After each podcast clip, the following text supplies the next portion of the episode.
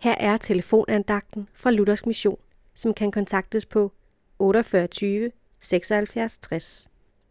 Andagtholderen i dag er Jan Nielsen. Gud gav engang Israels folk en lov. Essensen af den lov kender vi som de ti bud. Israels folk lovede, at de ville holde denne lov, men gang på gang overtrådte de Guds bud.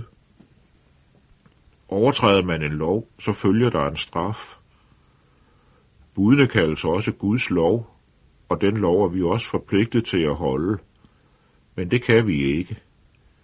Vi har alle sammen overtrådt Guds lov, syndet, og Gud tåler ikke synd. Men hvordan skulle Gud så få sin skabning tilbage, den skabning, som han holder så meget af? Der var ikke andet at gøre for Gud, end at sende en til jorden, som kunne holde Guds lov. Til det valgte han sin egen søn, Jesus Kristus. Synden var kommet ind i verden ved, at de første mennesker overtrådte Guds bud. Sådan kunne Gud kun udslette synden ved, at der var et menneske, der kunne holde hele Guds lov. Jesus kom til verden og levede et syndfrit liv, men alligevel blev han slået ihjel.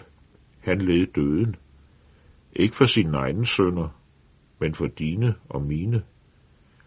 Fordi Jesus, der var syndfri, led døden i mit sted, blev jeg benådet. Johannes Døberen siger i Johannes evangelie kapitel 1, vers 29, Se, der er Guds lam, som bærer verdens synd og peger på Jesus. Jesus bar alverdens synd og forsonede os med Gud. Det er et evangelium, et godt budskab.